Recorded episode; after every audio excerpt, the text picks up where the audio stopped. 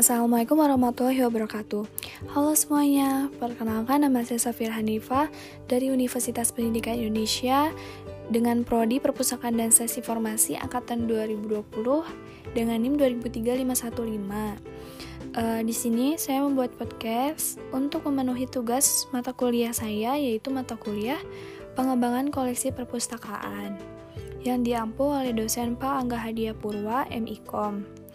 Judul yang akan saya bahas pada podcast kali ini yaitu kebijakan pengembangan koleksi perpustakaan. Dalam mata kuliah kebijakan pengembangan koleksi perpustakaan ini, terdapat beberapa subbab materi yang akan dijelaskan oleh saya secara singkat. Nah, subbab materi yang pertama itu eh, konsep dasar kebijakan. Lalu yang kedua itu asas kebijakan pengembangan koleksi. Yang ketiga informasi utama dalam merancang kebijakan pengembangan koleksi. Yang keempat fungsi dan manfaat kebijakan pengembangan koleksi dan yang terakhir isi kebijakan pengembangan koleksi. Langsung saja saya akan menjelaskan subbab materi yang pertama yaitu konsep dasar kebijakan. Nah, Kebijakan merupakan seperangkat prinsip dan strategi yang akan menjadi panduan mengenai tindakan yang akan dilakukan untuk mencapai tujuan yang telah ditentukan sebelumnya. Kebijakan ini berasal dari sebuah keputusan awal dan menjadi pernyataan umum. Lalu, untuk kebijakan pengembangan koleksi, yaitu suatu ketentuan yang memuat prinsip untuk mengarahkan cara pengembangan koleksi perpustakaan yang telah disetujui oleh pihak yang bertanggung jawab atas upaya penambahan dan peluasan koleksi di suatu perpustakaan. Kurang lebih seperti itu penjelasan secara singkat tentang konsep dasar kebijakan. Selanjutnya, materi yang selanjutnya itu tentang asas kebijakan pengembangan koleksi. Nah, dalam uh, asas kebijakan pengembangan koleksi ini uh, terdapat lima asas pada kebijakan pengembangan koleksi. Yang pertama itu ada asas relevan, asas fokus on user, asas kelengkapan, asas mutakhir, dan asas kerjasama. Uh, lalu untuk sub berikutnya uh, saya akan menjelaskan secara singkat tentang informasi utama dalam merancang kebijakan pengembangan koleksi. Nah, dalam merancang kebijakan pengembangan koleksi, membutuhkan informasi yang utama yang terdiri dari informasi kekuatan dan kelemahan koleksi perpustakaan, informasi pemustaka dan perubahan kebutuhannya, dan sumber-sumber informasi lainnya. Selanjutnya, e, materi selanjutnya itu tentang fungsi dan manfaat kebijakan pengembangan koleksi perpustakaan. Di sini saya akan menjelaskan fungsinya terlebih dahulu secara singkat. Yang pertama itu ada fungsi perencanaan, yang kedua ada fungsi komunikasi internal, dan yang terakhir ada fungsi komunikasi eksternal. Selanjutnya, terdapat manfaat kebijakan pengembangan koleksi perpustakaan. Namun manfaat di sini banyak sekali, tapi di sini saya hanya menjelaskan uh, sedikit saja, tidak semuanya. Nah, manfaatnya itu staf perpustakaan mengetahui dan berkomitmen dengan tujuan perpustakaan. Lalu, membantu memastikan bahwa perpustakaan berkomitmen untuk melayani semua stakeholders, baik untuk saat ini ataupun di masa yang akan datang. E, selanjutnya, membantu membuat standar dalam melakukan penyeleksian dan penyiangan koleksi, dan membantu meminimalisir kesalahan dan ketidaksinambungan dalam proses seleksi. E, dan untuk subbab yang terakhir ini, menjelaskan tentang isi kebijakan pengembangan koleksi. Nah, isi kebijakan pengembangan koleksi ini diawali dengan penjelasan singkat tentang misi perpustakaan dan sasaran yang ingin dicapai, kemudian deskripsi masyarakat yang dilayani, dan dilanjutkan dengan adanya beberapa ketentuan. Nah, seperti itu penjelasan singkat materi uh, tentang kebijakan pengembangan koleksi perpustakaan. Kemudian saya akan memaparkan uh, pertanyaan dan jawaban uh, yang sudah diberikan oleh Pak Angga untuk pertanyaannya. Dan jawabannya pun sudah saya jawab dan terdapat lima pertanyaan. Di sini saya akan memulai untuk pertanyaan yang pertama. Pertanyaannya, ada pernyataan. Kebijakan merupakan panduan dalam bertindak, terutama dalam kegiatan sehari-hari, dengan maksud untuk menciptakan keseragaman dalam mengelola sebuah organisasi. Silahkan deskripsikan pendapat Anda terkait dengan hal tersebut dan kaitkan dengan tujuan sebuah organisasi.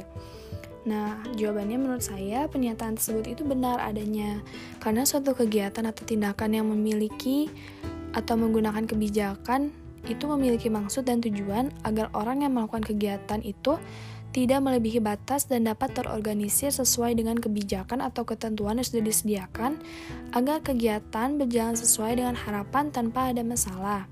Kaitannya dengan tujuan sebuah organisasi yaitu karena dalam sebuah organisasi merupakan tempat untuk berkumpulnya orang-orang yang, mem yang memiliki kesenangan atau hobi yang sama dengan orang lain, maka dalam organisasi ini terdapat banyak kepala atau anggota yang bergabung dengan suatu organisasi. Perbedaan karakter perilaku, tindakan, dan sikap masing-masing individu itu berbeda-beda pastinya. Maka dalam sebuah organisasi diperlukan sebuah kebijakan untuk meminimalisir terjadinya perpecahan atau konflik dalam suatu organisasi.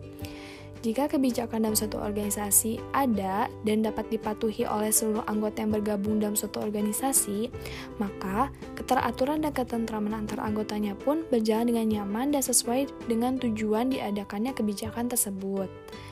Nah, eh, kita akan lanjut ke pertanyaan yang kedua. Pertanyaan yang kedua itu, kebijakan dalam sebuah organisasi dapat digunakan untuk A. Menangani masalah yang ada di dalam organisasi B. Sebagai panduan setiap orang dalam pembuatan keputusan C. Memastikan konsisten dalam pencapaian tujuan organisasi D. Menjadi panduan dalam menangani masalah-masalah yang aktual E. Menjelaskan nilai-nilai dan tujuan organisasi F. Membuat komitmen dengan tujuan organisasi dan G. Memenuhi hak-hak staf. Kemukakan pendapat Anda pada poin-poin tersebut minimal 2 poin. Tetapi di sini saya akan mengemukakan 3 poin. Poin yang pertama itu menangani masalah yang ada di dalam organisasi. Menurut saya, kebijakan dan sebuah organisasi dapat digunakan untuk menangani masalah yang ada di dalam organisasi ini benar karena kebijakan dibuat atau dibentuk untuk menghindari terjadinya masalah tersebut dan agar memudahkan dalam mengatur individu yang ada dalam suatu organisasi, sehingga dengan adanya kebijakan dapat meminimalisir terjadinya suatu konflik atau masalah. Poin yang kedua, sebagai panduan setiap orang dalam pembuatan keputusan. Nah, menurut saya ini, dengan adanya kebijakan, kita mengetahui batasan mana saja dan hal apa saja yang bisa dilakukan dan tidak bisa dilakukan. Sehingga dengan adanya kebijakan ini, individu akan mempertimbangkan keputusan yang dibuat sesuai dengan kebijakan yang berlaku atau malah sebaliknya sehingga bisa membuat batasan dalam pembuatan sebuah keputusan agar tidak terjadi suatu masalah dalam organisasi tersebut. Karena kebijakan dalam satu organisasi ini perlu ditaati oleh seluruh anggota di dalam organisasi tersebut. Lalu poin yang ketiga, memastikan konsisten dalam pencapaian tujuan organisasi e, menurut saya kebijakan merupakan prinsip dan strategi yang akan menjadi pedoman pada kegiatan organisasi untuk mencapai tujuan organisasi tersebut. Sehingga konsisten untuk mencapainya pun akan terwujud dalam sebuah organisasi karena kebijakan tersebut berfungsi untuk menjadi pedoman sehingga tujuan organisasi pun akan terarah. Kita akan lanjut ke pertanyaan yang ketiga. Pertanyaannya itu, uh, kebijakan sebuah perpustakaan seharusnya dituangkan dalam bentuk tertulis. Nah, bagaimana pendapat Anda apabila ada kebijakan yang disampaikan oleh kepala perpustakaan namun belum menjadi pedoman tertulis tetapi harus dilaksanakan? Nah, jawaban saya, uh, menurut saya kebijakan tersebut tetap dilaksanakan karena merupakan perintah dari kepala perpustakaan. Tetapi, kebijakan tersebut perlu segera untuk dijadikan pedoman tertulis agar kebijakan tersebut benar atau nyata adanya dan agar orang yang bekerja dalam lingkup perpustakaan tersebut bisa membaca dan mengetahui kebijakan apa saja yang harus dijalankan dipatuhi oleh para individu dalam perpustakaan. Karena jika hanya disampaikan saja, bisa jadi terdapat individu yang belum mendengar kebijakan baru yang sudah ditetapkan ini. Maka dari itu, kebijakan tersebut bisa ditetapkan atau dilaksanakan, namun perlu segera untuk dibuatkan pedoman tertulis dari kebijakan tersebut. Uh, selanjutnya, untuk pertanyaan keempat, uh, kemukakan contoh dari pelaksanaan asas kebijakan pengembangan koleksi. Masing-masing satu contoh pada minimal dua asas yang telah dipelajari. Nah, asas yang pertama ini saya akan ambil kerelevanan. Dalam asas kerelevanan ini dikatakan bahwa pustakawan perlu aware dan mampu mengantisipasi perkembangan perpustakaan. Maksud dari hal tersebut yaitu pustakawan perlu berkembang terhadap informasi terbaru. Pustakawan perlu mengetahui informasi yang up to date agar bisa menyesuaikan dengan keinginan pemustaka. Tidak sedikit pemustaka yang menginginkan informasi terbaru atau informasi yang up to date agar pemustaka tidak tertinggal oleh arus informasi yang terus-menerus berkembang. Sehingga pustakawan perlu aware dan mampu mengantisipasi perkembangan perpustakaan tersebut, mulai dari koleksinya dan bentuk perpustakaan itu sendiri. Seperti saat ini, ketika masa pandemi seperti ini, pengunjung yang datang secara langsung ke perpustakaan bisa terbilang menurun ya dibandingkan uh, sebelum pandemi gitu. Nah, maka pustakawan perlu mengerti perkembangan perpustakaan pada kondisi seperti ini itu baiknya melalui learning. Eh, melalui, baiknya itu melalui online atau uh, e-library. Dan pasti uh, para pengunjung perpustakaan seperti uh, mahasiswa atau anak sekolahan pun uh, pasti belajarnya menggunakan e-learning gitu. Jadi uh, lebih baik pustakawan itu memindahkan sementara selama pandemi seperti ini uh, pada layanan digital perpustakaan. Kemudian asas selanjutnya yaitu asas fokus on user. Nah, pustakawan ini diharuskan memahami kebutuhan informasi apa saja yang dibutuhkan oleh pemustaka. Pustakawan perlu memperhatikan atau mengidentifikasi dari banyaknya pemustaka yang berkunjung perpustakaan informasi mana saja yang paling sering diakses oleh para pemustaka. Dan karena tiap individu ini memiliki kebutuhan informasi yang berbeda, maka pustakawan perlu mengembangkan koleksi di perpustakaan selengkap mungkin. Agar pemustaka yang datang bisa dengan bebas memilih informasi mana saja yang ia butuhkan dan bisa memilih banyak sumber referensi untuk memenuhi kebutuhan informasinya.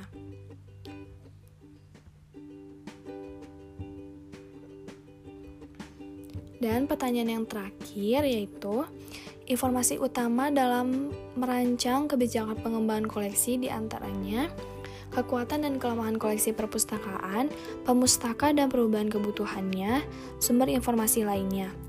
Kemukakan pendapat Anda terkait dengan keterkaitan antar ketiganya dan bagaimana dukungan masing-masing komponen tersebut dalam mendukung rancangan kebijakan perkembangan perpustakaan. Nah, keterkaitan informasi utama dalam merancang kebijakan pengembangan koleksi ini keterkaitan antara kekuatan dan kelemahan koleksi perpustakaan pemustaka dan perubahan kebutuhannya dan informasi lainnya ini saling berkaitan, di mana ketiga hal tersebut penting adanya untuk merancang kebijakan pengembangan koleksi. Karena kekuatan dan kelemahan koleksi ini akan berpengaruh pada berapa banyak pemustaka yang berkunjung untuk mendapatkan informasi yang ia inginkan di suatu perpustakaan. Jika perpustakaan itu memiliki koleksi yang lemah atau bisa dibilang tidak komplit, maka pemustaka pun akan mencari tempat perpustakaan lainnya sumber koleksinya ini jauh lebih banyak dan jauh lebih besar.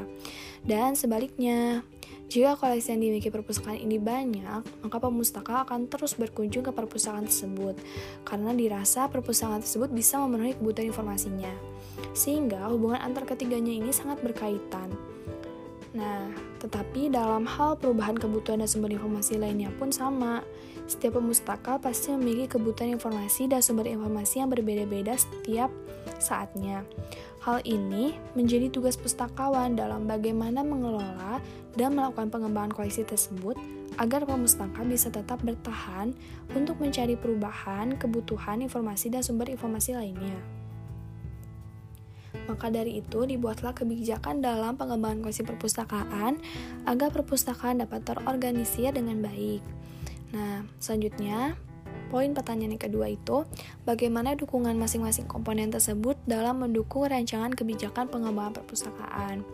Dukungan masing-masing komponen dalam mendukung rancangan kebijakan pengembangan perpustakaan tersebut yaitu jika pada kekuatan dan kelemahan koleksi perpustakaan, dukungan tersebut bisa dilihat oleh pustakawan. Koleksi mana yang masih kurang dan koleksi mana yang paling sering dicari oleh pemustaka, sehingga rancangan kebijakan pengembangan perpustakaan pun akan menuliskan kebijakan yang mengorganisir perkembangan koleksi di perpustakaan. Kemudian, dalam komponen pemustaka dan perubahan kebutuhannya juga, sumber informasi lainnya yang berkaitan dengan rancangan kebijakan pengembangan perpustakaan bisa dilihat dari pencarian koleksi pemustaka yang selalu berubah untuk mendapat sebuah informasi sesuai dengan kebutuhannya.